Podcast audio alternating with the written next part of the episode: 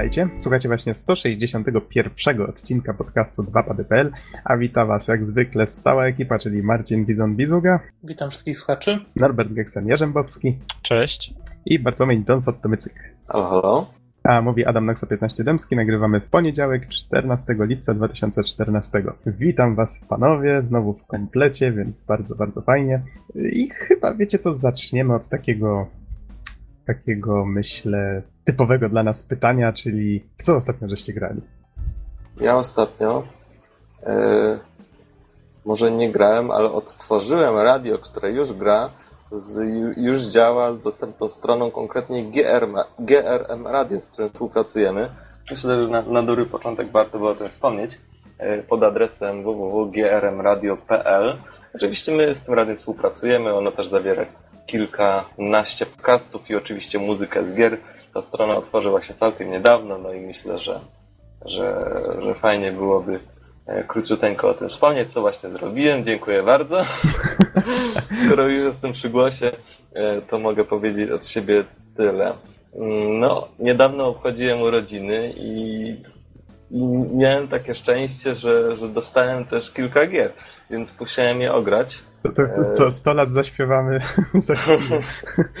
100 lat to już było, dziękuję bardzo. E, W każdym razie w moje ręce wpadło Saints Row 4, które już ograłem właściwie w, no tak w 70%, więc, więc podejrzewam, że za tydzień będzie, e, będzie recenzja. No i także wpadło w moje ręce Enemy Front, czyli właśnie ta gra od CI Games, która, e, która traktuje o powstaniu warszawskim. Też jestem bardzo ciekawy, jak to wszystko w wersji pełnej będzie wyglądać.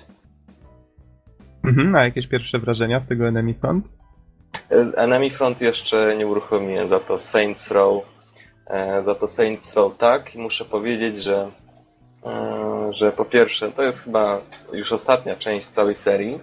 E, i wow, naprawdę, moim zdaniem ta część wynosi całą serię na zupełnie nowy poziom, dlatego że w gruncie rzeczy po moich recenzjach, po recenzjach, po recenzjach no w sumie wychodzi na to, że Saints Row to jest taka bardzo zwariowana i wręcz surrealistyczna gra, w której chodzi o to, żeby się y, odprężyć i, i pośmiać się z żartów różnych sytuacyjnych. Natomiast, y, natomiast y, mi się wydaje, że w całej tej serii bardzo ważny jest czynnik kształtowania postaci. Tutaj naprawdę każda z tych postaci ma mocny background ma mocne swoje motywacje, jakiś charakter, to co ta postać lubi, to czego nie lubi, te postacie naprawdę szalenie mocno zostały przez te wszystkie cztery części kształtowane. No i właśnie ostatnie Saints Row właśnie mm, do tych wszystkich postaci bardzo mocno rozwiniętych dodaje też bardzo mocno fabułę, która jest czymś w rodzaju parodii Matrixa, zresztą tam jest też nawiązań do wielu innych gier.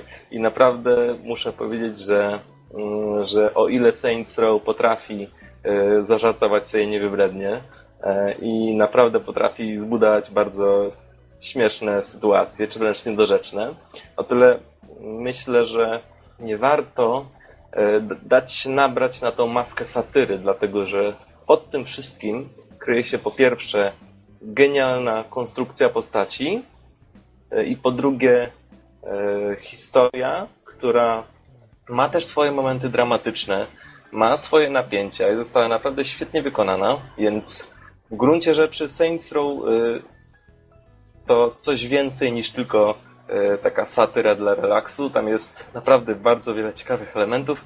Mam nadzieję, że będę mógł na następnej recenzji po, pooperać o tym trochę dłużej.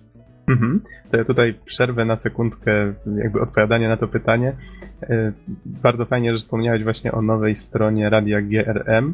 To tutaj tylko sprostuję, że jeżeli ktoś nie słuchał wcześniej, jak mówiliśmy o tym radiu, to nie jest tak, że ono istnieje od niedawna. Ono ma teraz odświeżoną stronę, która wystartowała chyba wczoraj, w niedzielę, tak. 13 lipca.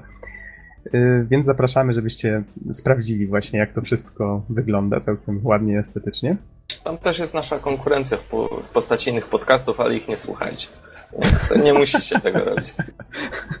No, muszę przyznać, że ekipa radia faktycznie zebrała całkiem pokaźną tą liczbę podcastów. Tutaj widzę, że lista jest dość długa, a ponoć nie jest jeszcze kompletna, więc zobaczymy. I oferta, sama oferta jest też bardzo zróżnicowana, dlatego że niektóre podcasty są stricte o grach, tak jak my, ale też niektóre na przykład o nowych technologiach, o komiksach, czy nawet o popkulturze współczesnej. To też jest ciekawym podejściem. Mhm. A teraz, tak troszeczkę odpowiadając właśnie na to pytanie, w co ostatnio graliśmy, i myślę, że przy okazji będzie to zapowiedź też dzisiejszego tematu głównego.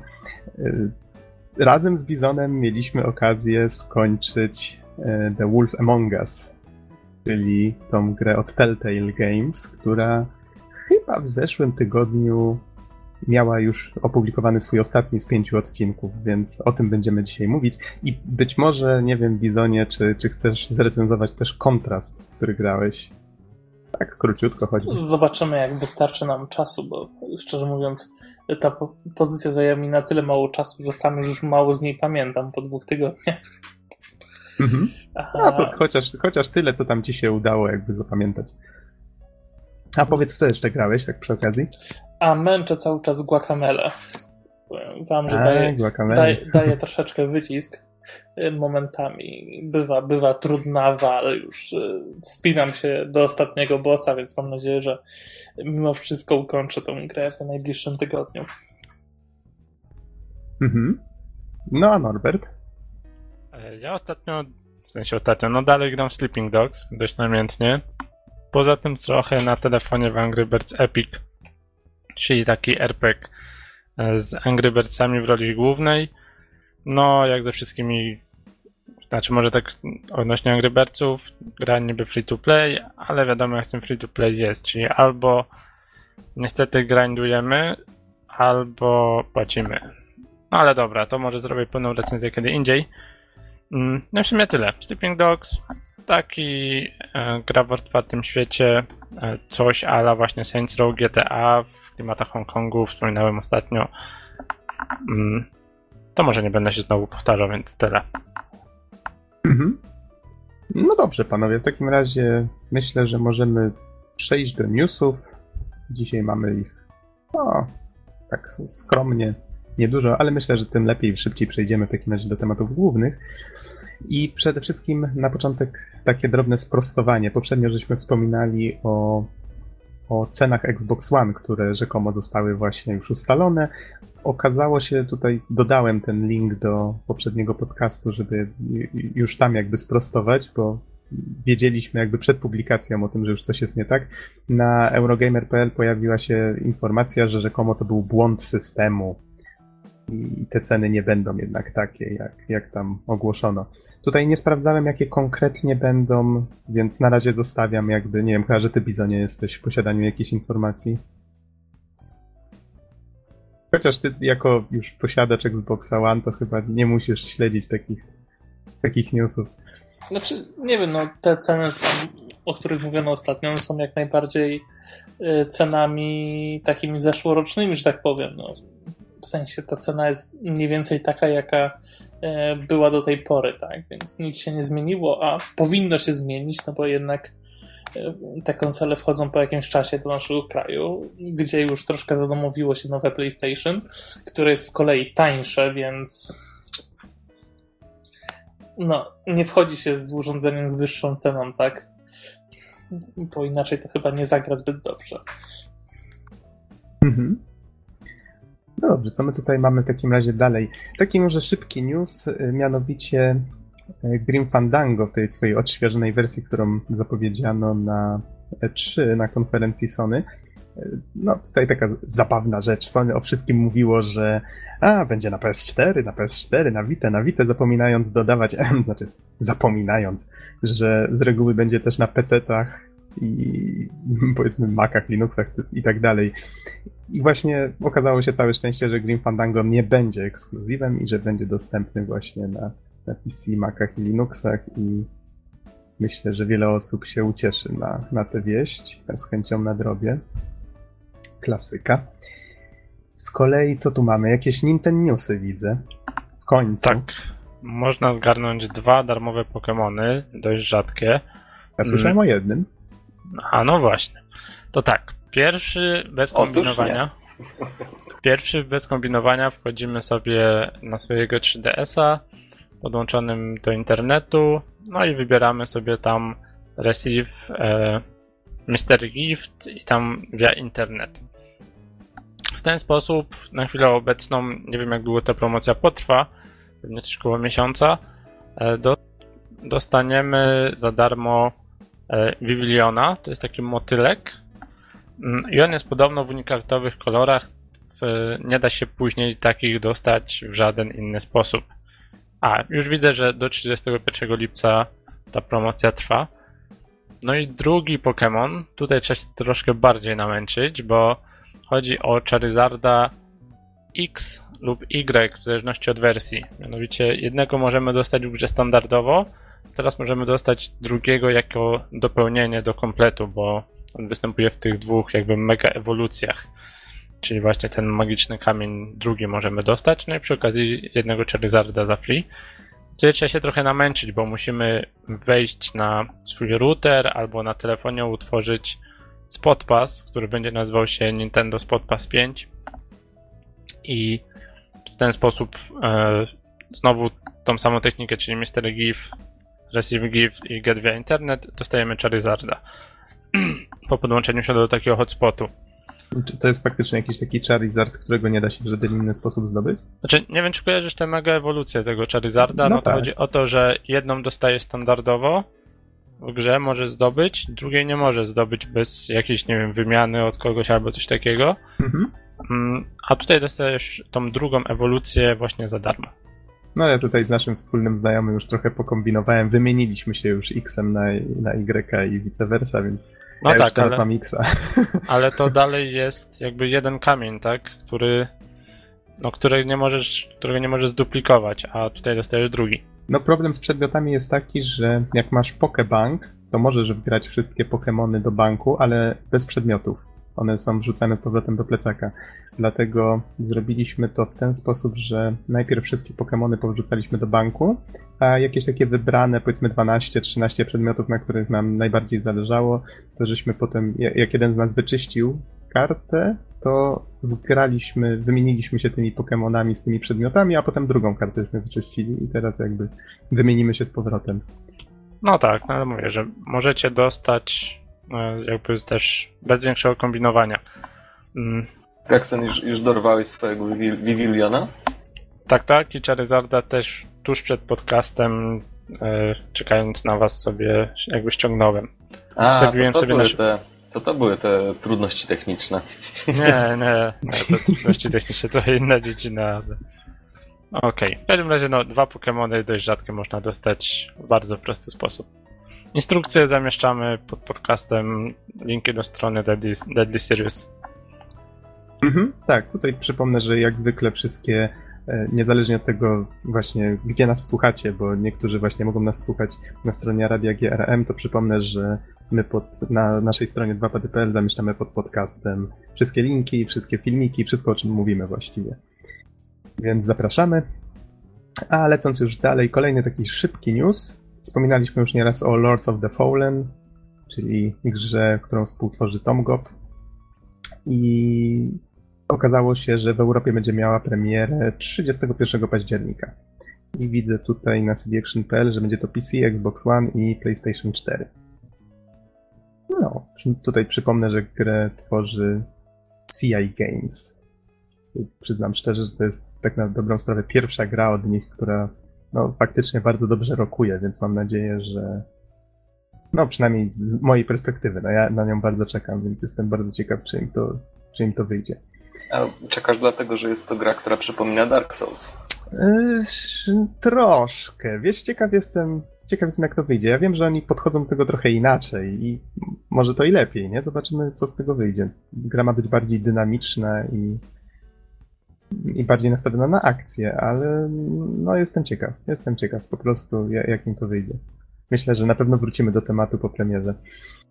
Z kolei kolejna rzecz, o której żeśmy wspominali, to kolejne studio Cliffa Bleszyńskiego, a właściwie nowe studio Cliffa Bleszyńskiego, czyli Boski Productions i wspominaliśmy wtedy, że jeszcze nie wiadomo jaką, jaką dokładnie grę będzie tworzył. Teraz już wiemy, że będzie to Project Blue Streak. Nie wiem, czy to jest jakaś końcowa nazwa, ale ma być to ponoć strzelanka free to play. No tutaj e... oczywiście Cliffy B tutaj oczywiście mówił, że, że on rozumie te wszystkie obawy co do free to play, że on chce, żeby to wszystko było bardzo mm, zbalansowane, żeby to nie było pay to win i tak dalej, i tak dalej.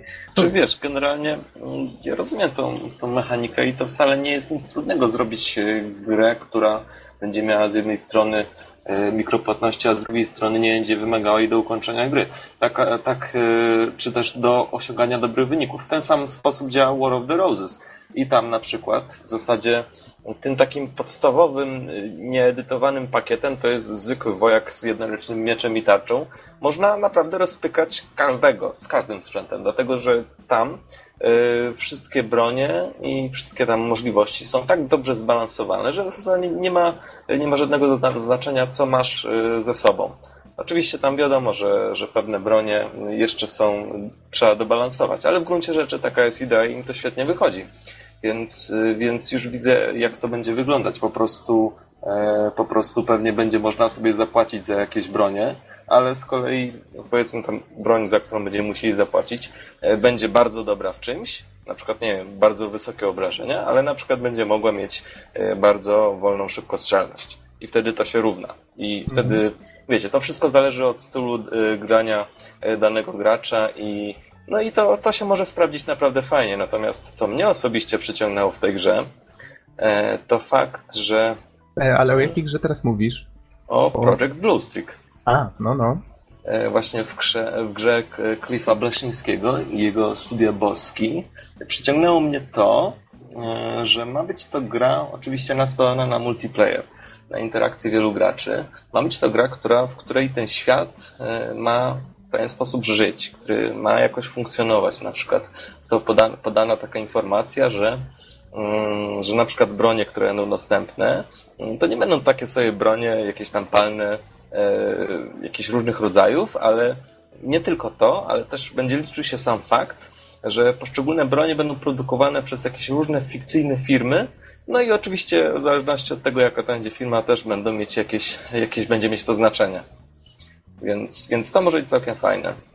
Powiem ci, że mnie osobiście zupełnie to nie ruszyło. Tak odniosłem wrażenie, że strasznie Cliffy B podchodzi do tego tak na zasadzie zróbmy coś bezpiecznego. No bo on zna się na tworzeniu strzelanek, zebrał ludzi, którzy też się na tym znają. Tutaj widzę na sobie Nawet niektórzy, z, y, niektórzy właśnie z tych ludzi, których wziął do, do pomocy, pracowali przy Call of Duty między innymi. Mhm, tak, zgadza się tutaj. Zacytuję może w chwili obecnej zatrudnia około 15-20 osób, wśród których znaleźli się m.in. byli pracownicy Epic Games, Ubisoftu, a także ludzie maczający wcześniej palce w grach z serii Call of Duty. Docelowo firma ma składać się z 70 deweloperów. Koniec cytatu.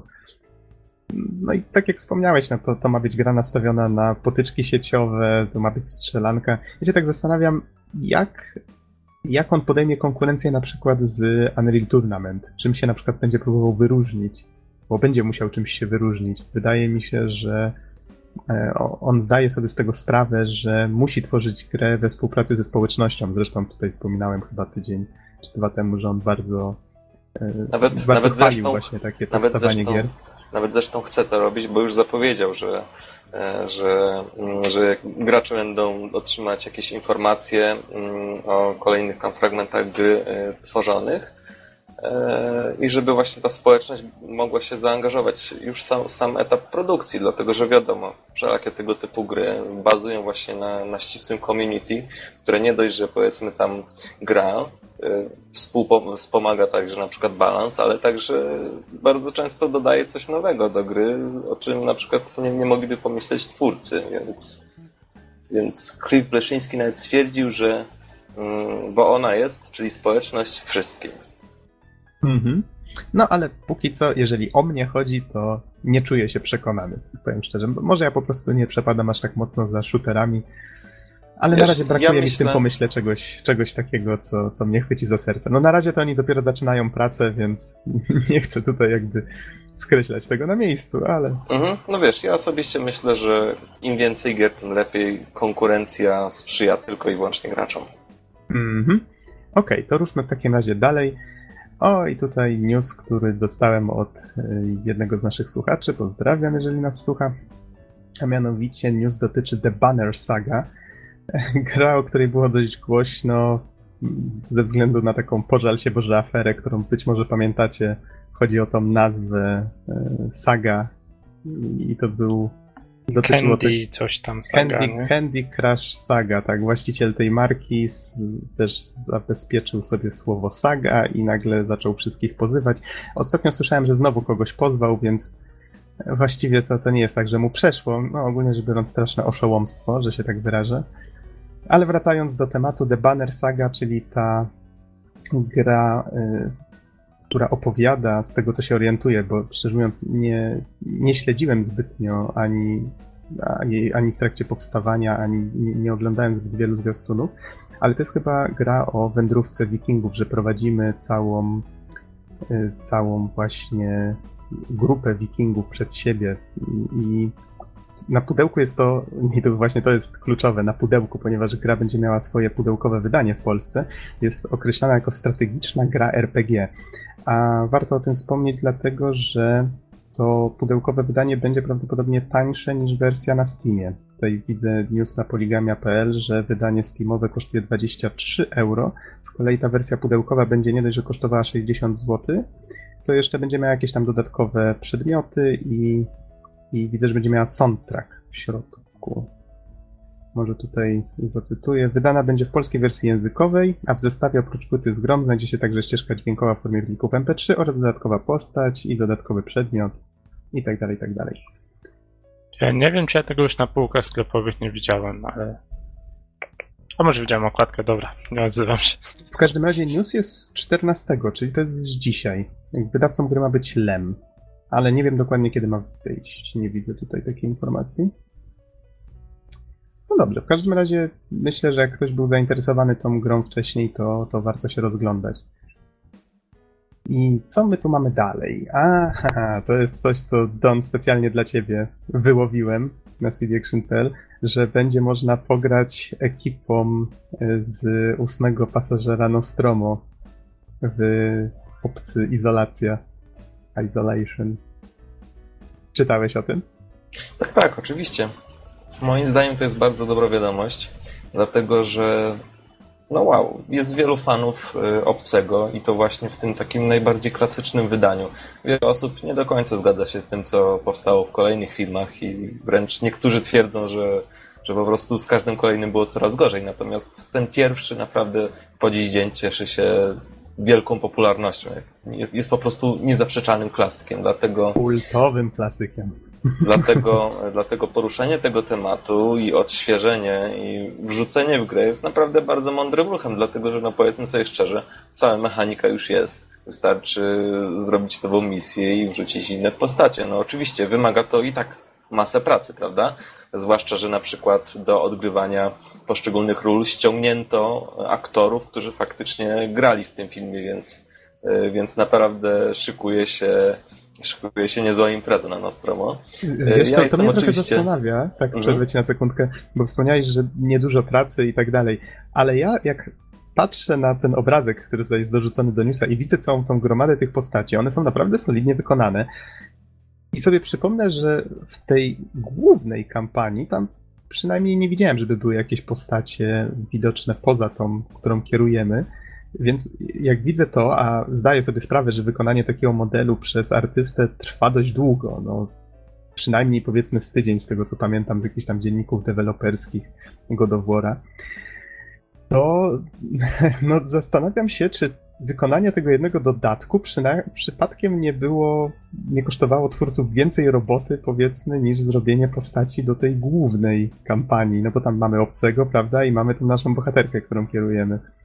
Nie, nie orientuję się, czy jest nie, więcej nie do końca się, Chyba nie do końca się zrozumieliśmy. Chodzi mi po prostu Aha. o to, że w gruncie rzeczy e, cała podstawa silnikowa i całe podstawy do tego żeby stworzyć tą konkretną przygodę z tymi konkretnymi postaciami, których stworzenie i tak wymaga sporo czasu, ale to już jest.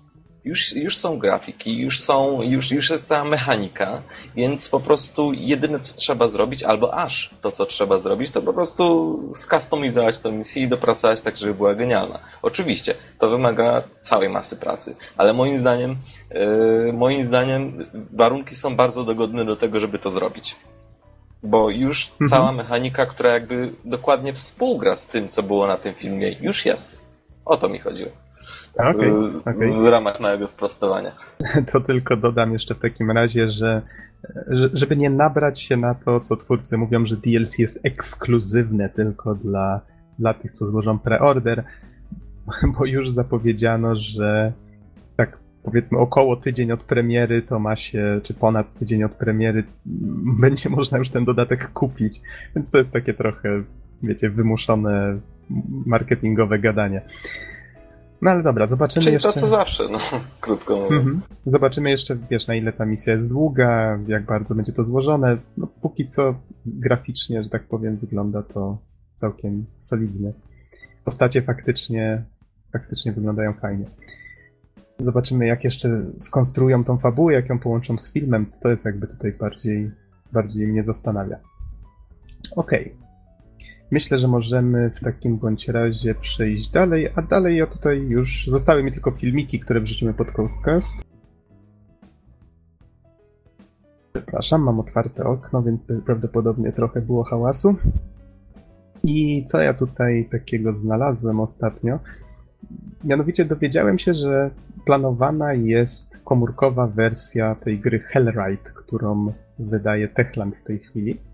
I ma się nazywać Hellride The Escape teoretycznie rzadko wspominamy o jakichś takich komórkowych edycjach czy reedycjach, bo powiedzmy sobie z reguły nie ma o czym mówić, prawda? Ale powiem wam, że obejrzałem sobie zwiastun i ta gra wygląda jakoś tak zaskakująco fajnie. Nie wiem, jakieś takie zagadki widać jak w jakiejś przygodówce. Widać całkiem ładne lokacje, więc to prawdopodobnie na jakimś takim słabym sprzęcie nie pójdzie. No, ogólnie rzecz biorąc, wygląda dość ciekawie. Na końcu... Mnie osobiście ujęła e, bardzo duże zróżnicowanie gameplayowe, to znaczy bardzo dużo mamy jakichś takich e, minigierek wręcz. Nie wiem, jakieś tak, takie tak, tak chodzenie tak, po dokładnie, linie, dokładnie e, przesunięcie pionka na szachownicy, a z drugiej strony mamy jakieś uciekanie przed przeciwnikami, tak, żeby nie wiem, coś ich trafiło, jakiś taki topór zwisający z sufitu, więc albo jakieś kreślenie znaku. Więc tego jest cała masa i nie wiem, generalnie jestem, tak, to, brzmi, to wygląda i brzmi e, bardzo fajnie, aczkolwiek, e, aczkolwiek granie na urządzeniach mobilnych, nie wiem, w stylu rozglądanie się i chodzenie jest strasznie niewygodne. Więc, więc to byłby jakby jedyny, jedyny argument na nie, ale jeśli dla Was e, nie jest to żadna przeszkoda i jest to dla Was komfortowe taki sposób grania, no to myślę, że, że to może być faktycznie produkcja, którą warto się zainteresować. Mhm, to ja w takim razie jeszcze dodam, że na końcu tego zwiastuna widać taką górę, prawdopodobnie miejsce akcji, e, coś w rodzaju jakiegoś lochu. I tak sobie myślę, że strasznie mi się to skojarzyło z Legend of Grimrock. I tak się zastanawiam właśnie, ile ta gra ma wspólnego z takim dungeon crawlerem. A jak patrzę właśnie na te, na te zagadki, na ten zróżnicowany gameplay, przyznam szczerze, że ten jeden zwiastun bardziej mnie zainteresował tą grą niż jakikolwiek zwiastun, jaki widziałem tej edycji głównej, która wychodzi na, na PC-ty, prawda? Czy na konsolę prawdopodobnie też. Z tego co zrozumiałem, to ta, tamta edycja ma być po prostu takim, no, nazwijmy to Dead Island, tak? Tylko, że z truposzami takimi fantazy. Bardziej ciemne moce i lochy, kościotrupy, zombiaki bardziej w tym wydaniu. Uhuhu, tak. I kolejny filmik, który wrzucimy pod podcast, to coś, co w sumie mnie dość mocno zaskoczyło, mianowicie y, nie wiedziałem, że planowany jest film animowany na podstawie Heavenly Sword. To jest gra, która wyszła na PS3. Była bardzo, bardzo krótka. Można było ją przejść właściwie w jeden wieczór, ale była jednocześnie strasznie fajna, bardzo filmowa, y, ze względu też na rolę którą grał Andy Serkis, którego możecie znać z Władcy Pierścieni y, z roli Goluma. I on tutaj grał y, grał czarnego bohatera. Nie pamiętam dokładnie jak się nazywał. Bohon? Bohan? Jakoś tak. Bohun to nie, nie, nie. nie. A, no, tak, faktycznie.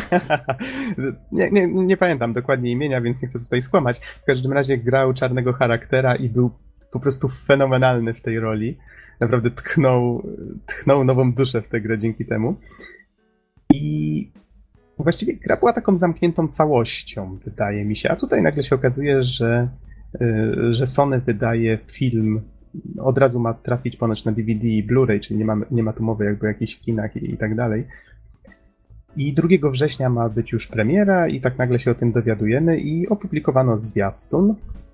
No i cóż, na razie powiem szczerze, na razie powiem szczerze, nie wygląda to jakoś fenomenalnie. Na pewno Heavenly Sword miał na tyle ciekawy materiał źródłowy, żeby zrobić z tego coś ładnego, coś fajnego. Tymczasem tutaj widzimy raczej no, trochę siekania mieczem, ok, główna bohaterka yy, gdzieś tam się skrada, gdzieś tam walczy. Grafika na tym zwiastunie wygląda chyba gorzej niż w samej grze, choć może źle pamiętam, ale no, jakoś tak czuję drobny niesmak.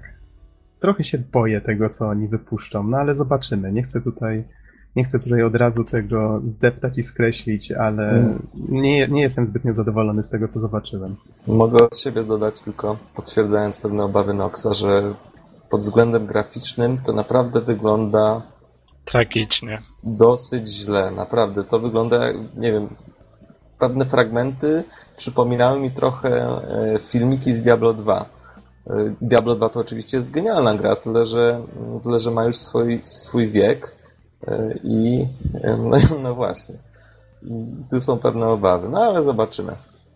No tak, tutaj skoro już żeś porównał do filmików robionych przez Blizzard, no to do tych, które tworzą w tej chwili na potrzeby Diablo 3 i, i powiedzmy StarCrafta 2, to, to się w ogóle nie podchodzi poziomem graficznym i to jest troszeczkę smutne. No, myślę, że Heavenly Sword na pewno zasługiwał na coś lepszego. I zwiastun na razie nie, nie, nie zwiastuje, żeby to było w jakimkolwiek stopniu ciekawsze od tego, co widzieliśmy w grze. Wydaje mi się, że na razie gra wypada dużo, dużo lepiej, ale wiecie, fabularnie może nas czymś zaskoczą. No zobaczę. Postaram się obejrzeć, jak już, jak już wyjdzie.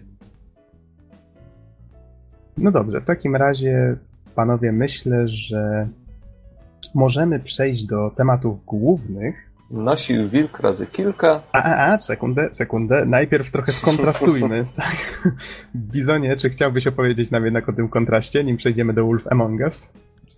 To może taka bardzo, bardzo krótka recenzja, jak sama gra zresztą. Mhm. To może sypnę w takim razie garścią jakichś informacji. Ciocia Wikipedia mi tutaj mówi, że gra powstała na Unreal Engine 3, że wyszła na PC, PS3, PS4, Xboxa 360, Xboxa One i że miała swoją premierę w listopadzie 2013. I określona jest jako Tylko puzzle, puzzle na platformy. Bo na Xboxie pojawiła się dopiero właśnie niedawno, tak? Y, na Xboxie One i, i kupiłem właściwie zaraz po premierze. Mhm. No dobrze, to opowiedz nam w takim razie o co w tej grze chodzi i czym ona właściwie jest, bo widzę, że to jest puzzle platformer. Ja widziałem co prawda zwiastun, ale nie każdy prawdopodobnie wie o czym mówimy, więc o, określ troszeczkę. Przede wszystkim trzeba stwierdzić, że, że jest to na pewno mniejsza gierka. E, głównie z powodów technicznych, e, ale, ale wszystko idzie w dobrym kierunku, żeby był z tego całkiem niezły platformer z własnym pomysłem na E, przełączaniem się pomiędzy światem cieni a światem rzeczywistym, co daje fajne możliwości. Niestety właśnie technicznie nie zostało to zrealizowane jakoś szczególnie. Ale podoba mi się sama stylistyka. Powiem wam, że jest jest to takie wszystko w stylu noir. Fajne uliczki pokryte kamieniem, stare teatry, kina. Wszystko, wszystko jest bardzo klimatycznie i spójnie wykonane. Z tego co pamiętam, to była taka stylistyka celująca w, w Paryż, taki kreskówkowy trochę. Tak, to jest chyba taki właśnie troszkę przerysowany Paryż. I cała akcja gry, no, jak to gra o dzieje się w nocy. Jesteśmy, mhm. jesteśmy postacią, która nazywa się Down i jest, y, jesteśmy tak naprawdę co możemy odkryć już na samym początku, zmyślonym przyjacielem jakby dziewczynki, wokół której opiera się cała linia fabularna i staramy jej się pomóc w jakby problemach rodzinnych. A w grze kierujemy tą dziewczynką, czy tym zmyślonym przyjacielem? Tym zmyślonym przyjacielem. Jest to dość wysoka e, kobitka, powiem wam, że jest wystylizowana w stylu jakby e, była wyciągnięta z jakiegoś kabaretu, albo może nawet bardziej i e, wygląda jak z jakichś filmów, e, nawet Tima Bartona, e, jeżeli chodzi o stylistykę. I ona właśnie ma taką niesamowitą umiejętność przenikania pomiędzy tym światem rzeczywistym a światem cieni. I właśnie, właśnie na tej podstawie gra wprowadza kilka bardzo ciekawych mechanik, właśnie bardzo, bardzo platformowych. Mnie się strasznie podobało, jak widziałem zwiastuny, właśnie ta mechanika, o której mówiłeś, to przenikanie e, z jednego świata do drugiego. Postać biegała, e, właściwie to nie biegała postać, to biegał cień po ścianie. Potem się przełączało na postać i znowu tak, było tak. w trzech wymiarach. Tak, Bardzo dokładnie. fajnie to wygląda. Generalnie wiesz, y, jakby pomysł mm, takiego flow, podczas którego grający przełącza się z różnych umiejętności, nie jest niczym nowym, ale jakby przestrzennie czy gameplayowo to naprawdę świetnie wygląda po prostu. Biegnie z trójwymiarową postacią nagle do świata cieni i potem znowu do trójwymiarowego. I to świetne zagadki można tworzyć w związku z tym, bo na przykład jeśli jakiś przedmiot e, rzuca cień, no to może na przykład posłużyć za platformę albo jakaś, jakieś koło zębate, które ma wyrwę, to możemy się przez nią e, prześliznąć. Tego typu zresztą rzeczy są widoczne na trailerze i muszę powiedzieć, że wygląda to naprawdę bardzo fajnie. No właśnie, ale ja tam widziałem też e, cutscenki, właśnie pisanie. Powiedz, jak ta historia się właściwie prezentuje? Czy jest warta poznania, czy... No bo, bo właściwie wydaje mi się, że jest wydaje mi się, że wydaje mi się, że to jest gra, która bazuje na tym. Mhm.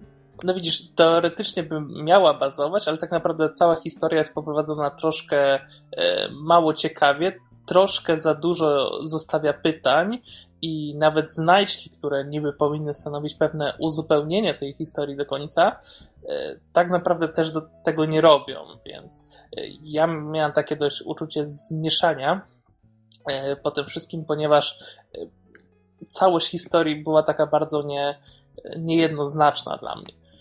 Mhm. A może wiesz, a może to był, e, to był zabieg celowy, no bo wiesz, generalnie Journey też nie jest jednoznaczna.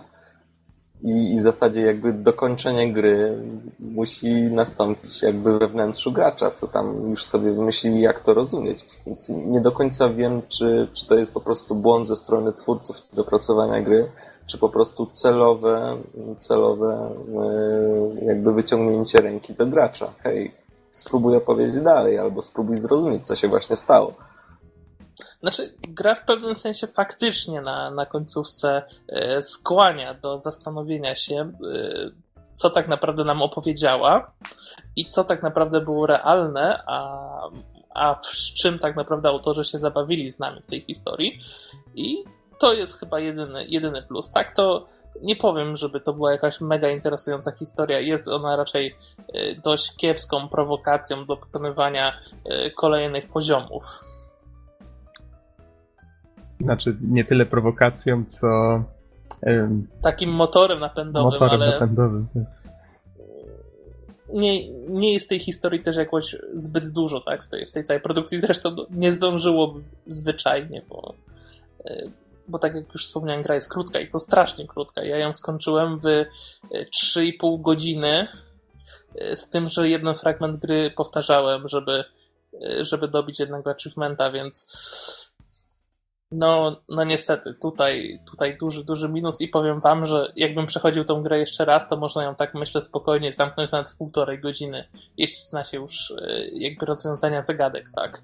Mhm. Więc no, w sumie wiesz, tych zagadek jeżeli... też jest e, mało, ich poziom skomplikowania nie jest zbyt, e, zbyt duży, a tak naprawdę cała trudność często polega na tym, że cała ta mechanika nie zawsze działa wystarczająco prawidłowo. Czasem są problemy po, polegające choćby na przeniknieniu w świat cieni w odpowiednim momencie, czy przeskoczeniu z czegoś. Czasem zatrzymujemy się w powietrzu podczas skoku E, ba, nawet zdarzyła mi się taka sytuacja. Generalnie w grze zyskujemy taką umiejętność, która pozwala nam rozwalać e, drewniane płoty. Ale ja jeszcze o tym nie wiedziałem. Zobaczyłem płot i zobaczyłem, że jest jakaś znajdźka za nim, więc, więc jakoś przypadkiem udało mi się przez niego przeskoczyć.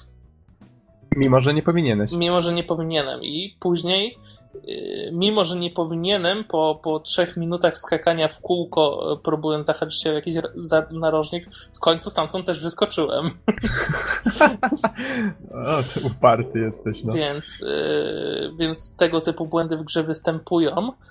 I tutaj właśnie widać, że jakby sam deweloper jeszcze jest dość niedoświadczony. I widać to też, y, powiem wam, po, po tym, jak to wszystko się porusza. Y, y, brak takiej płynności ruchu głównej bohaterki i jest to taki ruch, wiecie, totalnie skokowy. W sensie idę albo stoję, tak? Jest, jest to realizowane w taki sposób, trochę to psuje cały obraz tej historii. Czyli brak blendingu, mieszania animacji. Yy, tak, no powiem wam, że wygląda to tak, jak e, byście cofnęli się mocno w czasie i nie wiem, na przykład odpalili e, nie wiem, takie luźne skojarzenie, na przykład e, starą Alicję, starą Alicję albo coś, to, to wiecie, te no, gry wyglądały trochę inaczej, trochę inaczej yy, było to sterowanie, trochę inaczej te obiekty yy, zachowywały się pod względem fizyki, tak samo jest właśnie w tej produkcji. Yy ale powiem wam, że dzięki temu stylizowanemu otoczeniu, mimo wszystko nie powiem, że gra wygląda źle.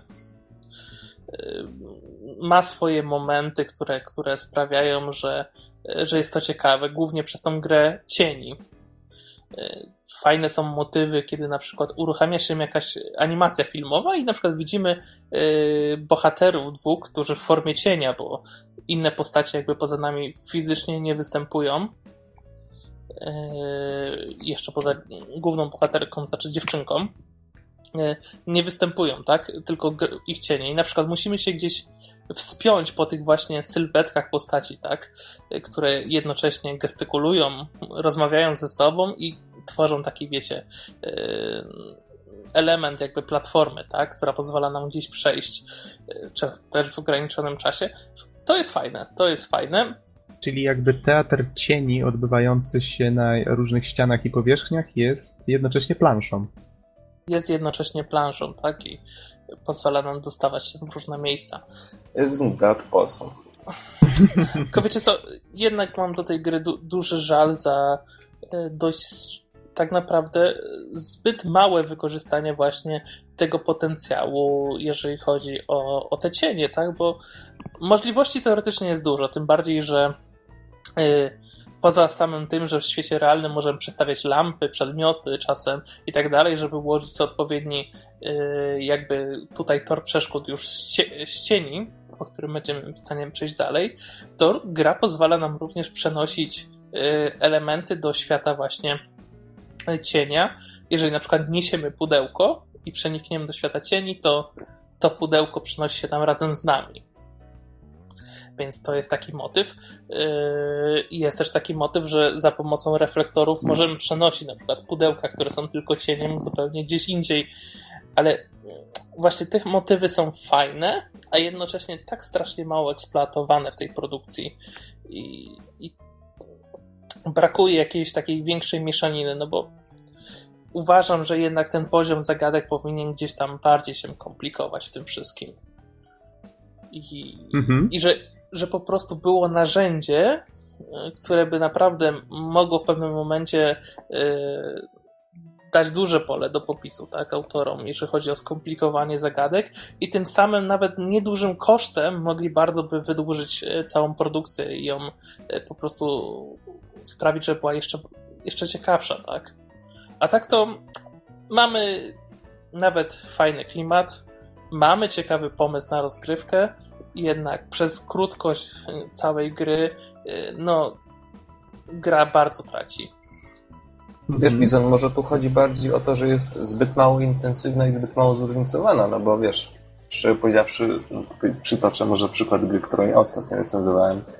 E, z kolei Among the Sleep też jest bardzo krótkie, trwa zaledwie dwie godziny, a mimo to wydaje mi się, że też mimo pewnych jednak wad, roz, w rozgrywce i, i niewykorzystanie potencjału też, też ma jakąś siłę, więc zastanawiam się, czy jednak, czy nie dałoby się to zrobić powiedzmy w takim czasie, tyle że e, z większą ilością zróżnicowanych zagadek.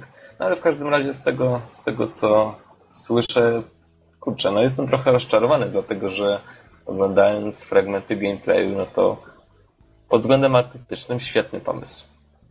Świat cieni w klimacie noir, no, no nie no, no po prostu robi wrażenie. No tak, ale jak się skapnie, że w trailerze pokazano połowę gry, to już nie jest tak dobrze, nie? No to wtedy już jest tylko wielkie nie, what the fuck. mnie też właśnie, właśnie te filmiki reklamujące grę bardzo zachęciły i, i nie wahałem się wydać tych 15 dolarów na, na, na tą produkcję. No i szybko się niestety rozczarowałem, bo tego samego wieczoru, co zakupiłem, skończyłem tą grę, więc no tutaj, jeżeli nie, chodzi o, o nie długość, tego, to... Nie tego się spodziewałem i mhm. może też przez to jakby mój nawet odbiór samej produkcji jest delikatnie zachwiany. No i do tego właśnie dochodzi całkiem spora gama e, różnych błędów, niedoróbek, takich typowo już programistycznych, więc to, to ja mam takie troszkę dwa, jednak dwa stracony pytania. potencjał, tak jak już powiedziałem. To ja mam takie razie dwa pytania. Czy jeżeli nasi słuchacze już mają tą świadomość, e, bo ich uświadomiłeś, że gra jest krótka, to czy biorąc też pod uwagę, że nie jest też idealnie dopracowana, czy z taką świadomością warto w tę grę zainwestować, jeżeli jednak podoba nam się ta stylistyka, ten pomysł? Myślę, że można to potraktować bardziej niż, jako ciekawostkę niż taki tytuł naprawdę do ogrania jeżeli chcemy faktycznie zobaczyć, jak funkcjonują te cienie. Niestety obawiam się, że większość osób, tak jak ja, zawiedzie się ostatecznie o tej produkcji. Yy, I jednocześnie, no szczerze mówiąc, po prostu uznaje, że jest niewarta yy, przeznaczonych na to pieniążków. Mhm. Bo wiesz, bo tutaj Don już podał jeden przykład Among the Sleep, prawda? Y, Journey, półtorej godziny a mimo wszystko to, no tutaj wierzę w recenzję Dona, a w Journey akurat grałem sam. No są to gry, które, które warto zagrać, pomimo tego, Wiesz, że faktycznie akurat, ten czas jest tak krótki, co nie? Akurat też muszę powiedzieć, że jednak mimo wszystko, tak jak wyszło to na mojej recenzji, w Among the Sleep też są pewne braki w rozgrywce i e, w zróżnicowaniu konkretniej. E, zresztą dosyć mocno to podkreśliłem i też pewne braki w designie, to znaczy na przykład powiedziałem, misia mogłoby być więcej innych postaci, ale mimo to, mimo to Among the Sleep opowiada kompletną historię yy, i to wszystko wystarczy do tego, żeby ją opowiedzieć i, i żeby coś pokazać, więc pod tym względem yy, gra jest, no, spełnia oczekiwania pewne, chociaż mogłoby być lepiej, no ale to już wchodzimy, wchodzimy w rejony, czym ja, czy ja, czym ja bym chciał, yy, żeby ta gra była, a nie czym ona faktycznie jest. No w każdym razie, to, to ostatnie pytanie, szczerze, mogę. Mhm. Jeszcze do Bizona ostatnie pytanie, bo wspominałeś o fabule, ale zabrakło mi jednej ważnej informacji. Po co gracz to wszystko robi? To jest, taka, to jest takie ważne pytanie, które też designer powinien sobie zadawać, jak tworzy grę. A, a w tym przypadku ty grałeś, więc powinieneś wiedzieć, po co my właściwie skaczemy po tych wszystkich platformach. Yy, tak, jak już wspomniałem, chcemy pomóc yy, małej dziewczynce w jej problemach rodzinnych. Hmm. Taki jest główny cel. Okej, okay, bo wiesz, to brzmi dość, przyznam szczerze, e, enigmatycznie. Jest mama, jest tata, chyba trochę się kłócą.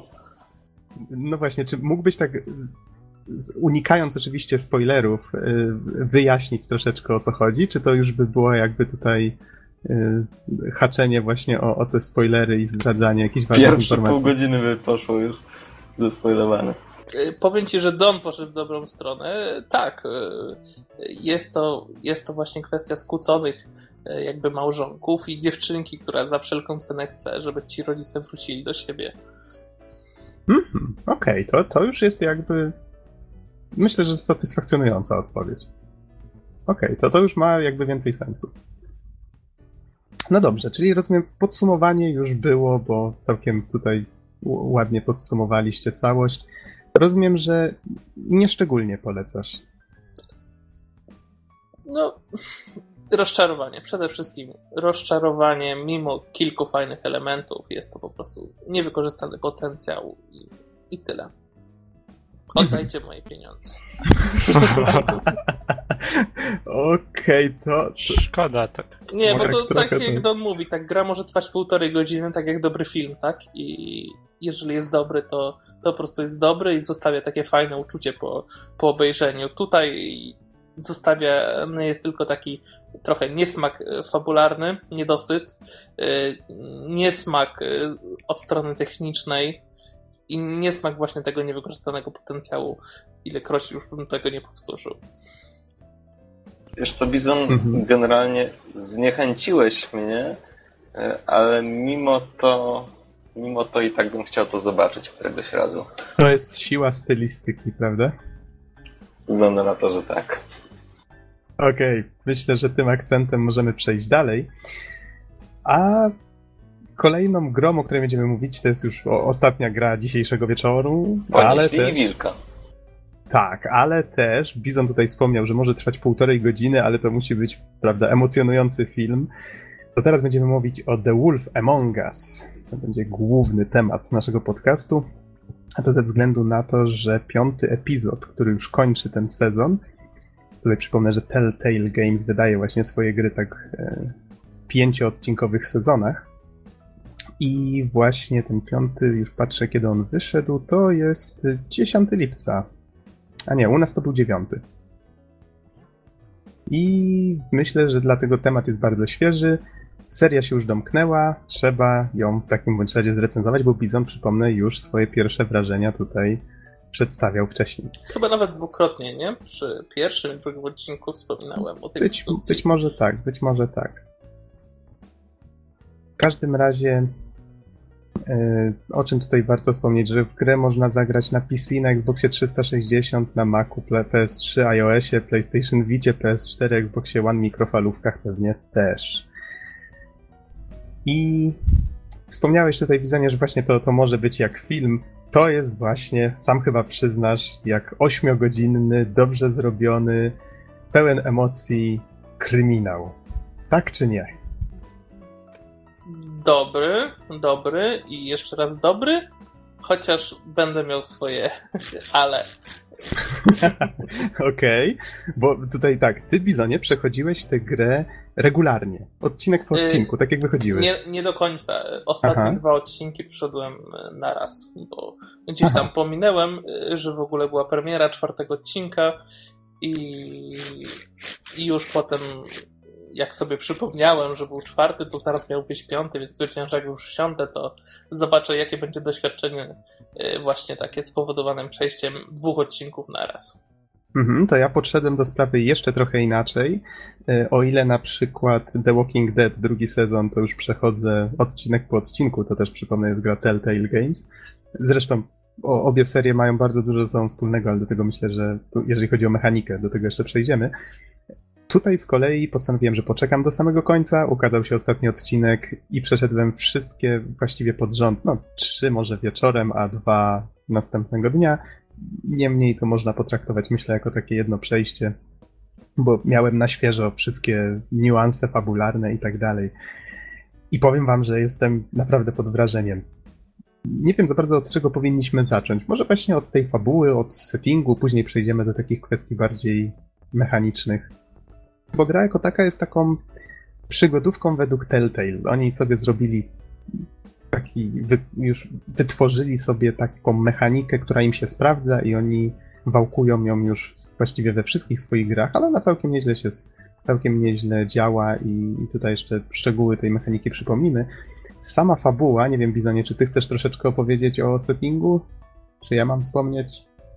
Co, ja już opowiadałem, więc e, o settingu tej okay. gry, więc możesz teraz ty zacząć ze swoimi poglądami na, na całość. Ja dla przypomnienia y, mówiłem, że strasznie mi się generalnie po, podobało miejscowienie akcji i, i te wszystkie postacie zebrane mhm. E, w tym jednym miejscu, dlatego pora na ciebie. Okej, okay, to tylko poproszę Bizanie, żebyś nie szurał, bo słychać od ciebie jakieś szuranie i tak, nie wiem, jakieś papierki po cukierkach? Okej, okay. przechodząc do rzeczy. Y, Nosił papierki razy kilka. Don, co ty dzisiaj z tymi powiedzonkami? Robię suchary tematyczne do naszej recenzji, ale wydaje, się, wydaje mi się, że niedługo będzie potrzebny nawilżacz powietrza. Okej. Okay. Przechodząc do rzeczy, pomijając suchary, aż się zachciało mi się napić. Yy, badum. W samej, w samej grze tutaj, żeby już wyręczyć Bizona, który już opowiadał o tym settingu, mamy tutaj ponownie klimat troszeczkę takiego noir, tylko że w tym przypadku jest to kryminał, tylko że z detektywem na tej zasadzie. Tylko że to, co jest tutaj fajne i wyjątkowe, to materiał źródłowy, na którym to jest oparte. Tym razem jest to na licencji właśnie nie The Walking Dead. Nie mamy tutaj żywych trupów i innych tego typu rzeczy. Nie, nie, odłóżmy to na razie. Tutaj mamy wszystko oparte na komiksie, który się nazywa Fables, czyli baśnie. I w tym świecie chodzi o to, że mamy postacie z bajek. Różnych, mniej znanych, bardziej znanych, no chociażby, żeby daleko nie szukać, Czerwony Kapturek, Królewna Śnieżka i wszystkie te postacie trafiły ze swojego świata bajek, trafiły do naszego świata, konkretnie do Nowego Jorku i w takiej raczej mało przyjemnej dzielnicy prowadzą sobie normalny żywot. No i w pewnym sensie jest to taka bajka dla dorosłych, czyli choć mamy tutaj postacie, które teoretycznie większość z nas zna od małego, a przynajmniej część z nich na pewno bardzo dobrze kojarzycie, tutaj mamy je przedstawione w zupełnie innym, w zupełnie innych realiach, w zupełnie innej sytuacji. To wszystko jest takie bardziej mroczne, bardziej realistyczne, jakby na to nie patrzeć też, bo mamy tutaj różne problemy w rodzaju bieda, biedy, która właściwie te postacie często.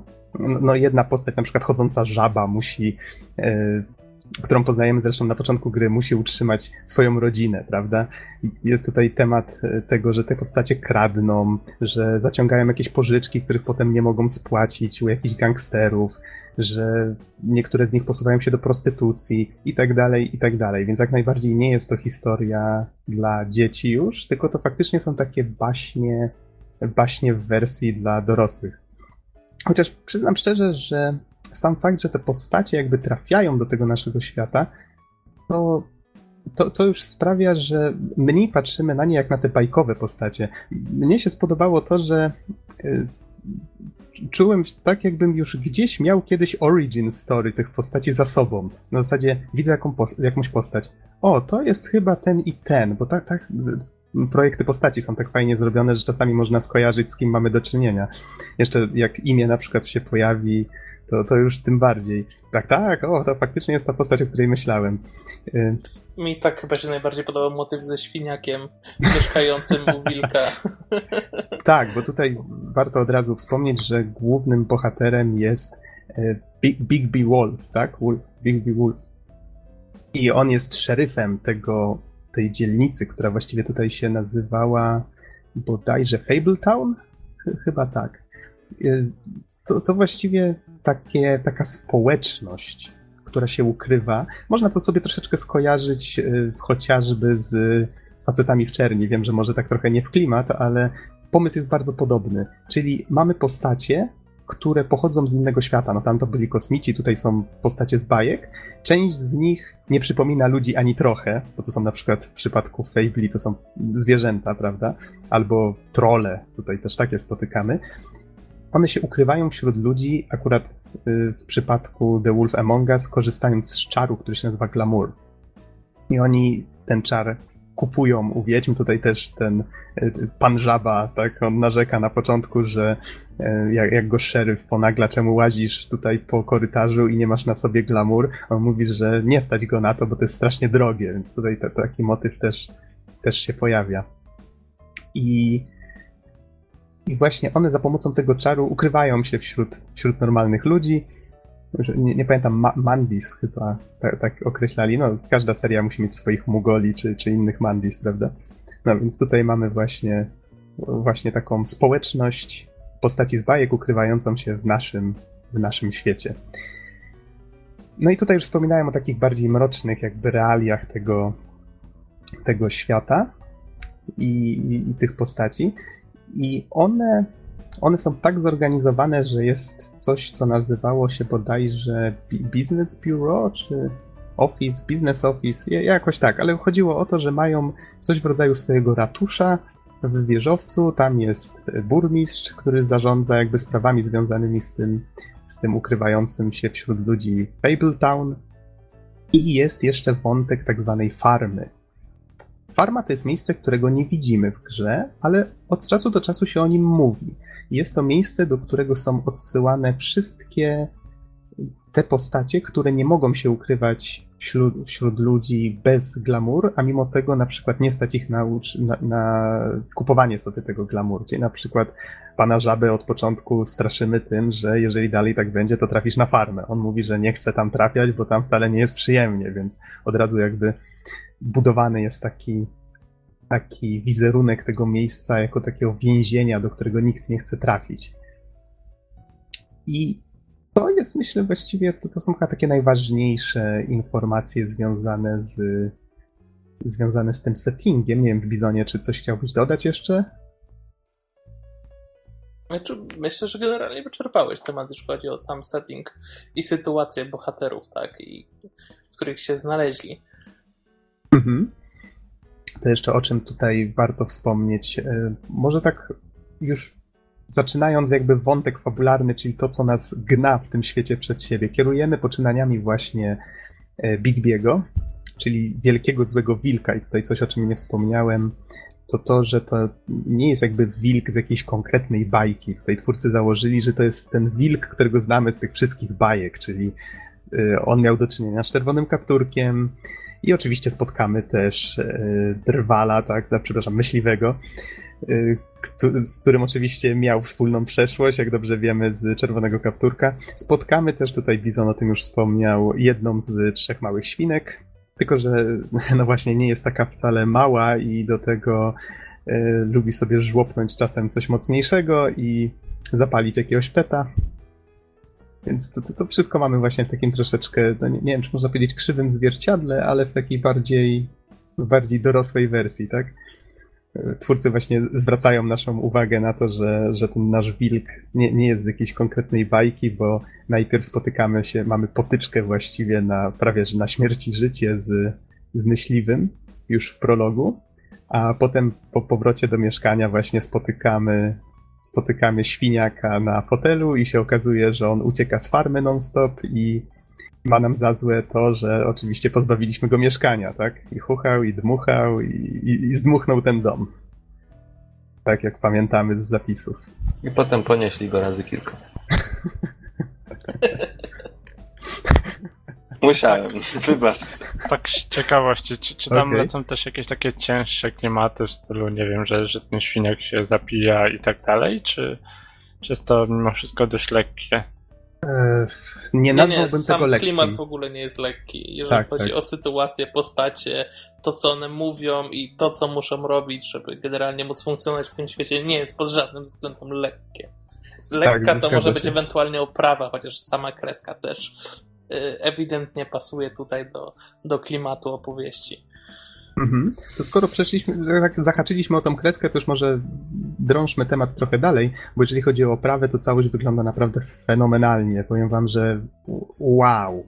O ile w The Walking Dead już było tak troszeczkę kreskówkowo, były te, te tak, krawędzie. ale on tak wyglądał jeszcze bardzo, bardzo growo mimo wszystko tak, i tak, tak, ten, tutaj faktycznie ta stylizacja jest w stanie momentami oszukać nas, że, że są to jednak kadry z komiksu naprawdę niesamowicie wystylizowane tekstury, e, bardzo fajnie rozprowadzone twarde cienie, które rzucają takie charakterystyczne dla komiksów w tym stylu e, po prostu czarne obszary. Naprawdę wygląda to świetnie.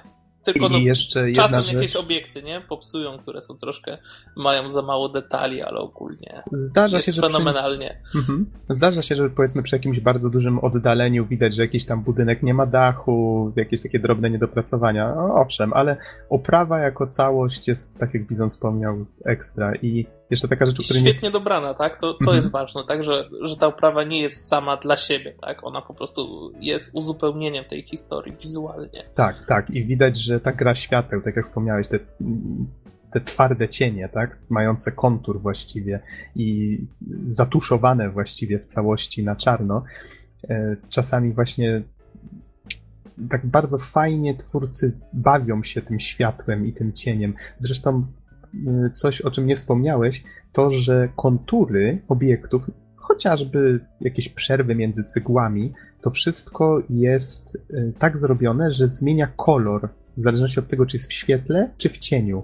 Więc jeżeli mamy coś pokryte cieniem, czyli właściwie czarnym tuszem w całości, to nadal te krawędzie widać, bo one zmieniają wtedy kolor na jasny. Więc mamy taki kontrast. Tak, tak, tak samo jest również z różnymi symbolami i rzeczami, które mają być podkreślone na obiektach, tak? Nawet, że jeżeli one są w tym czarnym cieniu, to wtedy one są białe właśnie, żeby mimo wszystko było widoczne. I to, to naprawdę ma taki właśnie fajny klimat i wyjątkowo e, trzeba przyznać, że ta oprawa się, się udała i jest bardzo, bardzo komiksowa. Tak, jak taki żywy komiks. A jeżeli chodzi o muzykę, no cóż, powiem, że ona tam jest, faktycznie faktycznie budowała klimat, ale jakoś ale nie zapadła nie ma się, specjalnie Nie ma czasu jakoś tak zwracać na nią zbytnią uwagę, mimo że tak, jest tak. fajna. Mi głównie, głównie podpasował, powiem ci, że ten motyw y, głównie z tego intra takiego, który jakby poprzedza każdy, tak, to jest y, jedyny, każdy który... Mhm. Jest bardzo jest charakterystyczny i fajny. Zgadza się, to jest jedyny, który właściwie zapamiętałem, bo reszta, tak jak wspomniałeś, nie za bardzo jest czas się na tym skupić, ale czujesz podświadomie, że ta muzyka tam jest i pomaga ci się wczuć w klimat. Y, to myślę, że tyle, jeżeli chodzi o oprawę. Y, wspominaliśmy już właśnie. Y, a, nie wspomnieliśmy ostatecznie właśnie, co nas gna przed siebie, prawda, w tej fabule. Morderstwo ta, ta, ta. No właśnie, Fable Town, a, a tutaj warto wspomnieć jeszcze coś, o czym nie wspomniałem, że te postacie z bajek, one są dość długowieczne, o czym się dowiadujemy na początku. I no dość wytrzymałe, to, to się przekonamy jeszcze w trakcie gry. Więc zabić takiego, takiego Fable'a nie jest wcale łatwo, a mimo to już na początku gry znajdujemy yy, głowę biednej dziewczyny na, na schodach. Biednie, ona tam sobie nieźle dorabiała. Okej, okej. Okay, okay. No ale głowę straciła. Badum psz. Swoją drogą w inny sposób niż można się spodziewać, ale to już cisza. To jest, tak, tutaj jakby cała historia jest bardzo zawiła i to, co mi się tutaj podobało, to jest taka cecha, myślę, dobrego kryminału, że w momencie, kiedy już myślimy, że jesteśmy blisko rozwiązania, co się okazuje, że to ma jeszcze drugie i trzecie dno. Po prostu perfekcja, jeżeli o to chodzi. I bardzo fajnie jeszcze ta konstrukcja odcinkowa tutaj działa, bo twórcy nie dość, że bardzo fajnie konstruują, znaczy nie tyle konstruują, co budują napięcie, o właśnie, w obrębie pojedynczych odcinków, to jeszcze jako całość jak się chce przejść wszystkie naraz, to wtedy to wszystko się układa jeszcze w taki film, który faktycznie, w którym napięcie rośnie z odcinka na odcinek, więc y, fajnie, naprawdę fajnie, bardzo mi się to podobało i myślę, że i osoby, które będą chciały sobie przejść faktycznie tak po odcinku, no teraz już nie ma jakby tego problemu, prawda, bo są dostępne wszystkie, ale jakby powiedzmy był jakiś kolejny sezon, to i miałby tę samą jakość, to można przechodzić go po odcinku, albo jako jeden już jak wyjdzie cały i w jednym i drugim przypadku powinno być ok. Tylko, że ja właśnie trochę się martwiłem. Bizonie, czy ty nie miałeś problemu z nadążeniem za wszystkimi niuansami fabularnymi, jak tak miałeś, powiedzmy, miesiąc, dwa przerwy między odcinkami? No, tak jak z, z tobą wczoraj w sumie rozmawiałem, totalnie w pewnym momencie pogubiłem się z niektórymi motywami. jest, jest to mm -hmm. troszkę, jest troszkę zbyt właśnie złożona momentami ta fabuła, co, czego nie można powiedzieć, że to jest złe, ale faktycznie przy tym modelu odcinkowym i jeszcze przy tak bardzo nieregularnych y, jakby mm, premierach tak, tych odcinków y, stanowiło to w końcu dla mnie pewien mały problem gra niby próbuje w pewien sposób przypominać, co się wydarzyło wcześniej, ale mam wrażenie, że te przypominki to są bardziej jakieś losowe dialogi y, poprzednio niż specjalnie jakoś sklecony taki y, kawałek, który by miał nas naprowadzić y, na obecne tło fabularne. Mhm, troszeczkę tak. Powiem ci, o ile na przykład w The Walking Dead, tutaj mam na myśli głównie drugi sezon, który jeszcze trwa, tam nie mam jakby tego problemu, bo tam fabuła nie jest znowu tak skomplikowana i mogę sobie troszeczkę przypomnieć właśnie przed ruszeniem do kolejnego odcinka. O tyle tu mam wrażenie, że miałbym problem. Bo tu jest dużo właśnie takich detektywistycznych faktów do zapamiętania, jakichś takich drobnych, subtelnych rzeczy. które też mogą mieć wpływ właśnie na, na całą historię, no mógłbym się pogubić. Mógłbym się na twoim miejscu też pogubić, mam takie wrażenie. A poza tym powiem ci, że giną mi czasem postacie w tej grze. Znaczy tak giną ci na zasadzie, że zapominasz o nich, czy co? Znaczy w sensie, że zapominam, już nie wiem gdzie były, ale Aha. czasem jest też tak, że ktoś występuje w jakimś odcinku, wydaje ci się, że jest istotną postacią, a później się już na przykład nie pojawia. Mhm. E, miałem tak z takim na przykład rudym jego mościem z pierwszego odcinka, którego nawet e, podejrzewałem, że może macza w tym wszystkim palce i potem po prostu go nie ma, nie? Już nigdzie, więc... A i, i do tej pory powiem Ci szczerze, że nie wiem co się stało z, z Krainem, ale to już chyba rozmowa na prywatne. Będziemy, jak będziesz miał pytania, tak, to możemy podyskutować o fabule trochę później. E, to, o czym warto teraz wspomnieć, jeszcze na recenzji, to to, że podobnie jak The Walking Dead, gra tak fajnie udaje nieliniowość. Czyli mamy tutaj, tutaj już jakby łącząc opowiadanie o fabule i mechanice, mamy tutaj elementy z rozmowami, mamy elementy z eksploracją, mamy elementy z interakcją, powiedzmy, z jakimiś, e, z jakimiś elementami. Właściwie tak jak w przygodówce, tylko że takiej przygodówce na szynach. Ona jest nie daje nam swobody jako takiej. Ona czasami pozwoli nam zwiedzić, powiedzmy, jakiś niewielki fragment, jakiś powiedzmy jeden pokoik, w którym mamy chwilę, żeby się rozejrzeć, ale okej, okay, tutaj jest jakiś powiedzmy, tam szukamy śladów lub czegoś w tym rodzaju. Tutaj coś jest i tutaj coś jest, możemy spojrzeć, możemy dotknąć, możemy podnieść. Czasami tam przedmioty się przydają w innych miejscach.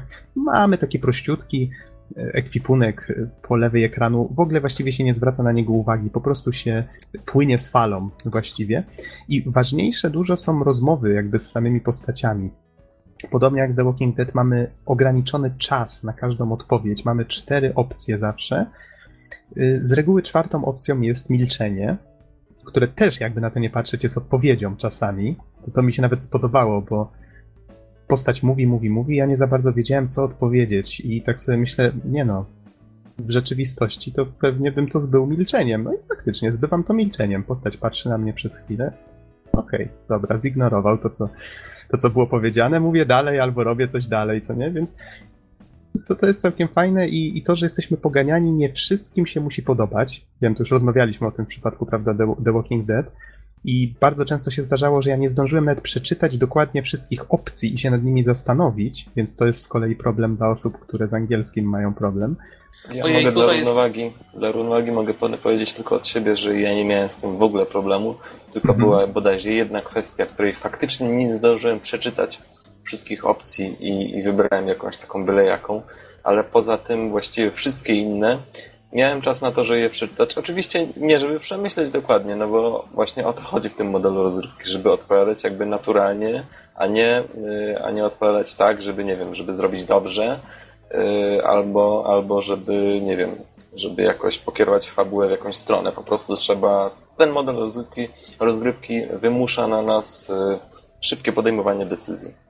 Tak, to jest dokładnie to, o czym chciałem wspomnieć, że to jest i wada, i zaleta. Dla, mnie się wydaje, że to jest jednak zaleta, bo to sprawia, że to wszystko jest takie dynamiczne, szybkie i, i, i naturalne, tak jak wspomniałeś. No i to też sprawia w większości, że pomimo, że w grę gramy, jakby na to nie patrzeć, i teoretycznie powinniśmy mieć wpływ na to, jak długo w nią gramy, w rzeczywistości da się dość nieźle oszacować, jak długo zajmie nam rozgrywka i przejście tej gry. Mamy tutaj te fragmenty faktycznie, w których możemy się rozejrzeć i one prawdopodobnie nie są w żaden sposób tutaj e, ograniczone czasowo.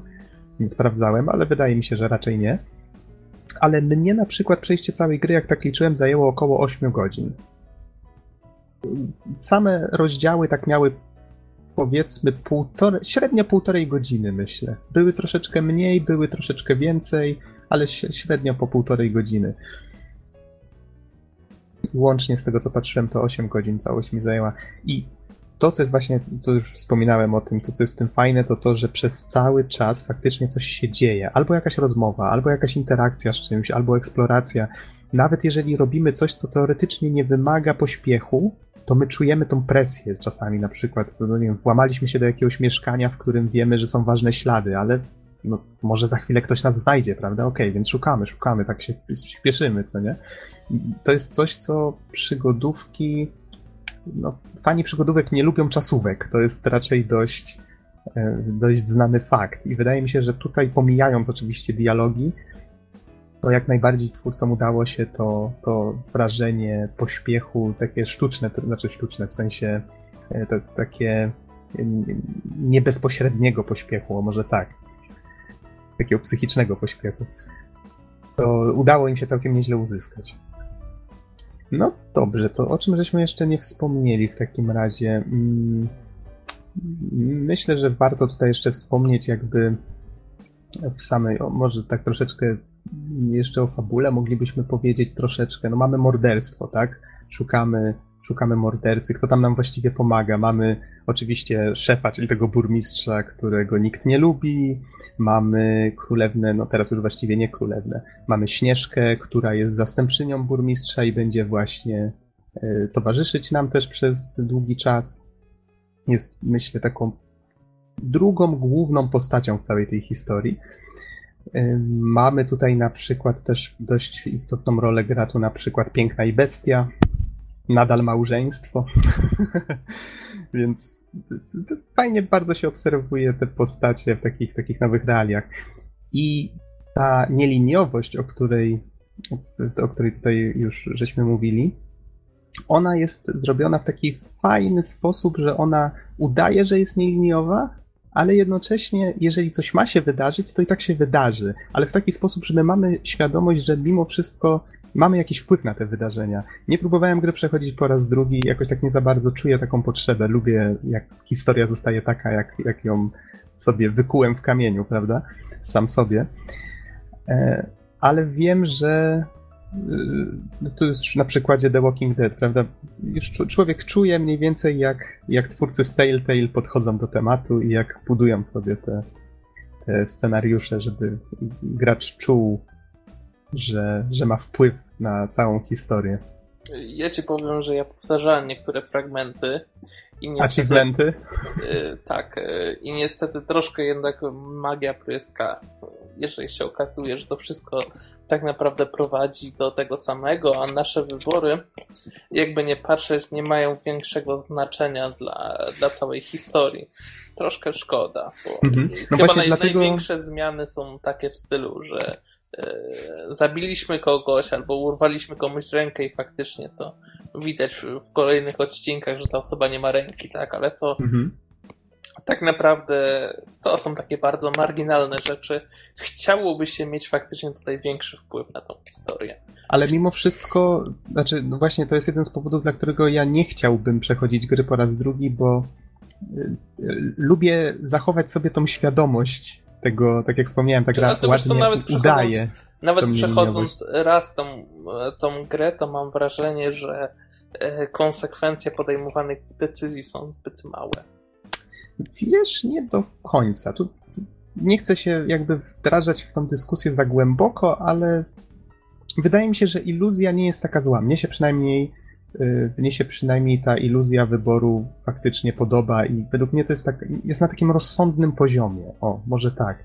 Żeby jednocześnie ta historia była, żebyś czuł, że masz na nią wpływ, a z drugiej strony, żeby ona zawsze szła tym takim najlepszym, najfajniejszym trybem żeby faktycznie była emocjonująca i fajna. To ja a propos wyborów mam takie jedno pytanie. Mhm. E, czy w tym świecie, który jest brutalny, czy w tym świecie o takich dosyć no, zasadach no, niejednokrotnie e, dotkliwych e, w realiach, w których bohaterowie nie do końca sobie radzą, czy, ma, czy gracz ma do podjęcia decyzję które w pewnym sensie przypominałyby The Walking Dead, czyli na przykład, nie wiem, jest dwóch poszkodowanych i musimy ich rozsądzić na szybko, albo na przykład podjąć decyzję, e, w wyniku której ktoś jednak mimo wszystko ucierpi. Czy coś takiego tutaj mhm. jest? To dobrze, że o to pytasz, ale może nie będę bezpośrednio odpowiadał na to pytanie, tylko tak e, troszeczkę pokrętnie. Na czym polegają tutaj dylematy moralne, tak? Bo tak można uogólnić swoje pytanie. Tutaj twórcy się skupiają na tym, że Bigby Wolf, ten nasz główny bohater, on próbuje się odkupić w oczach społeczeństwa. On był wielkim złym wilkiem od zawsze. Wszyscy się go bali i właściwie nadal się go boją. Nie ufają mu właściwie w wielu przypadkach. No i w tej chwili jako szeryf ma szansę faktycznie pokazać, że też potrafi być tym dobrym gościem. No, przez co, jakby na to nie patrzeć, gra tutaj rolę takiego dobrego, złego gliny. Czyli tu możemy w wielu momentach wybrać, bo zresztą jedna rzecz, którą, o której warto wspomnieć, to to, że twórcy dają nam tu bardzo dużą, a przynajmniej bohaterowi dają bardzo dużą moc.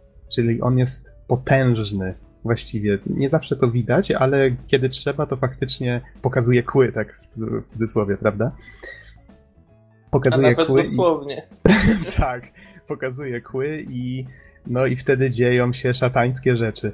I właśnie o to tutaj chodzi, że my mamy wielką moc do dyspozycji i jak już tutaj zacytuję klasyka, z wielką mocą przychodzi wielka odpowiedzialność, tak?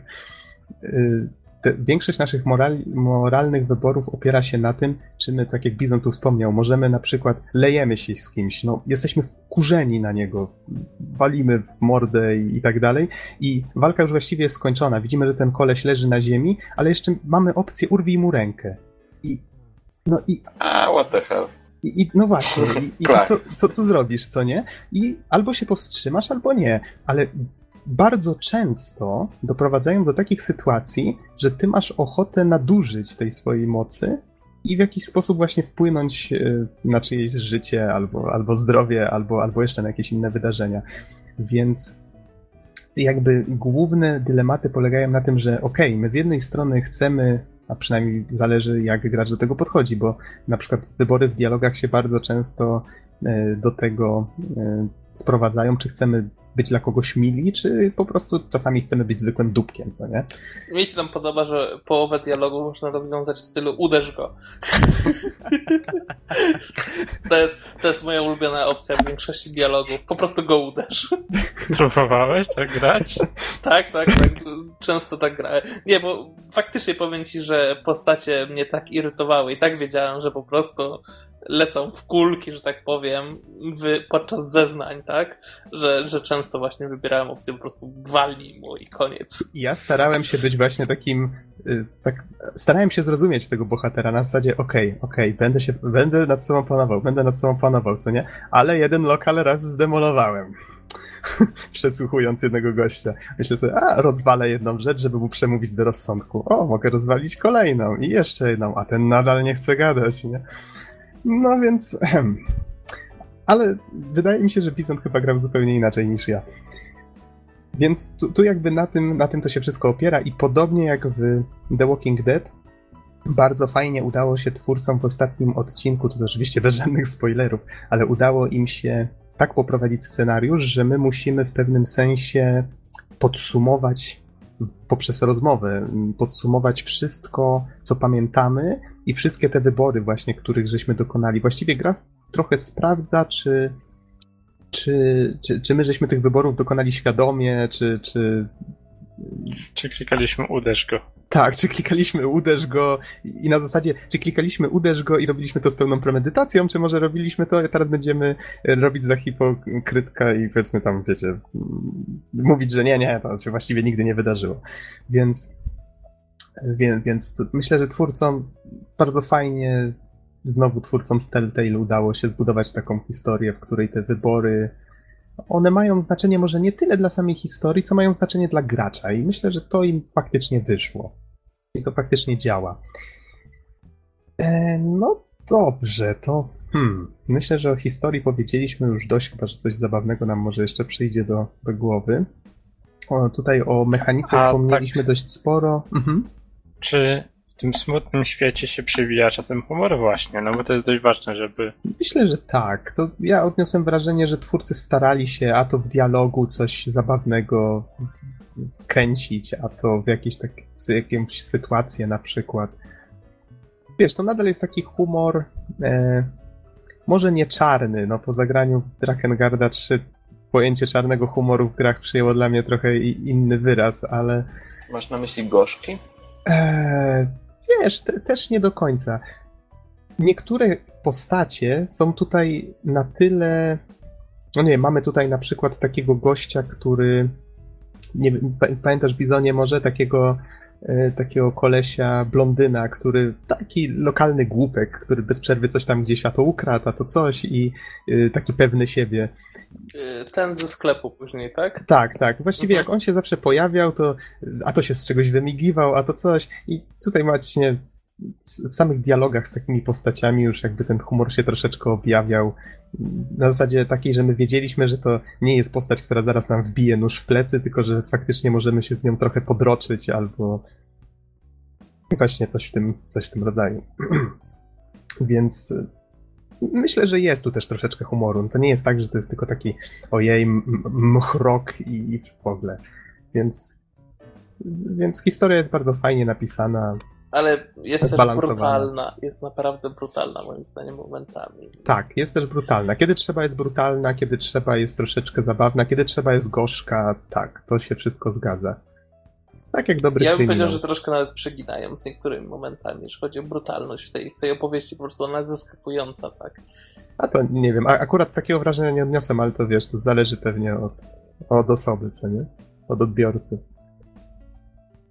O czym żeśmy jeszcze nie wspomnieli? A, no właściwie z mechaniki Quick Time Eventy. To jest coś, o czym myślę warto wspomnieć, czyli że wszystkie sceny akcji one są oparte właśnie o Quick Time Eventy, czyli naciskanie odpowiednich przycisków w odpowiednim momencie.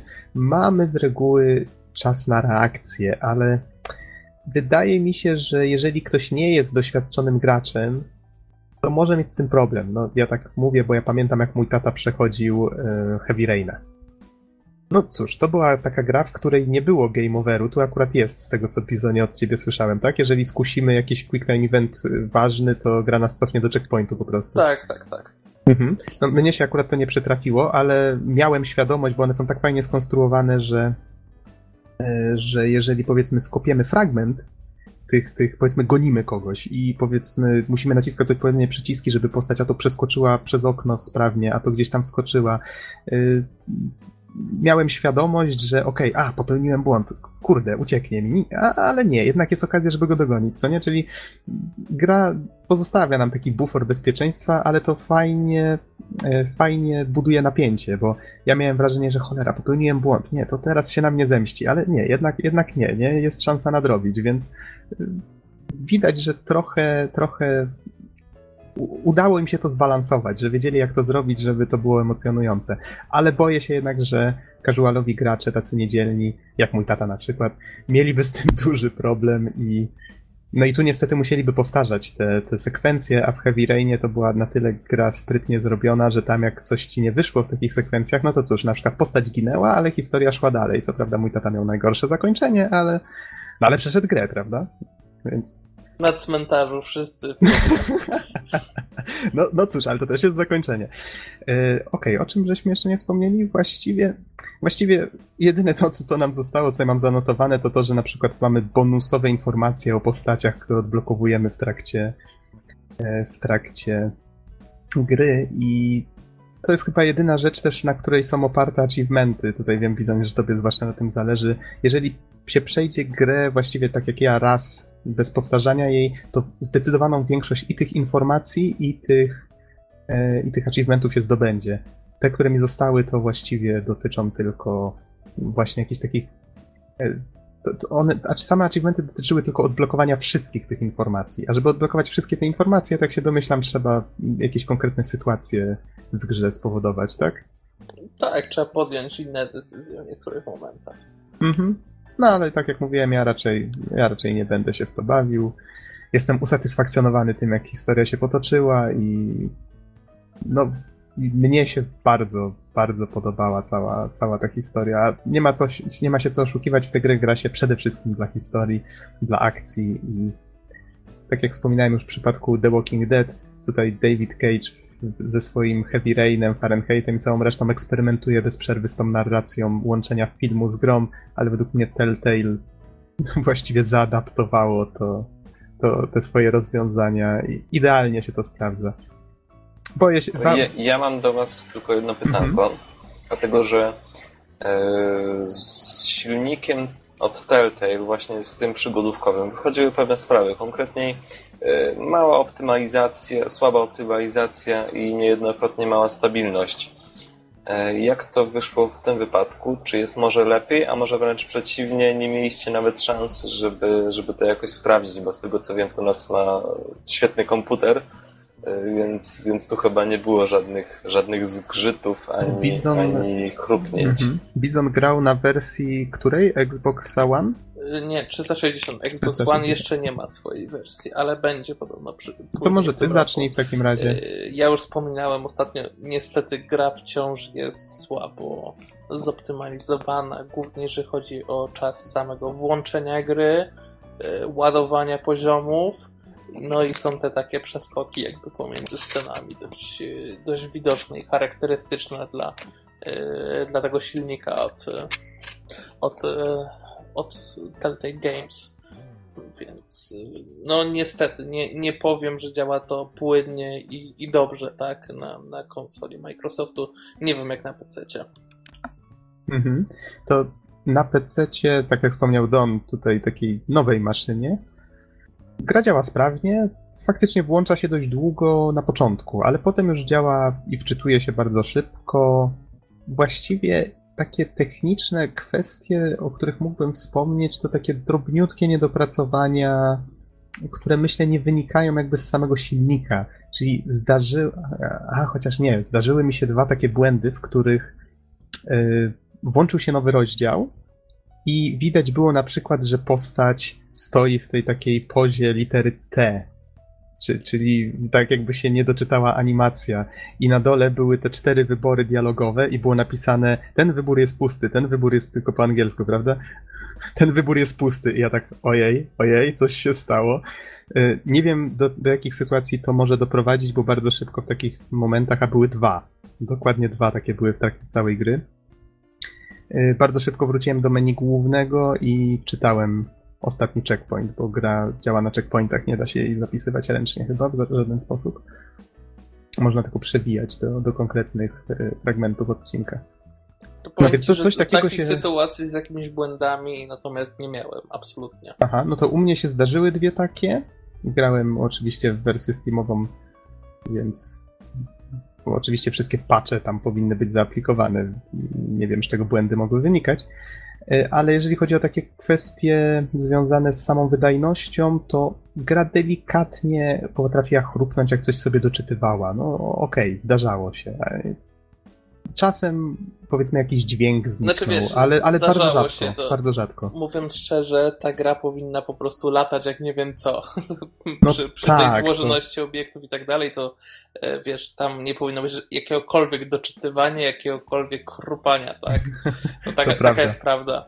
Że, że, że to jest aż dziwne, że nie potrafią przez tyle czasu e, zrobić tego troszkę lepiej. Mhm. Ale przyznasz, że akurat w tej stylistyce ta prostota geometrii wcale, a wcale nie przeszkadza. To musisz chyba sam przyznać. To znaczy, czasem e, powiem ci, że rzadko, ale są takie sytuacje, że jednak kamera jest ustawiona na jakiś obiekt e, w taki sposób, że widać, że on jest zbyt mało dokładny, mimo wszystko całej tej stylistyki nawet.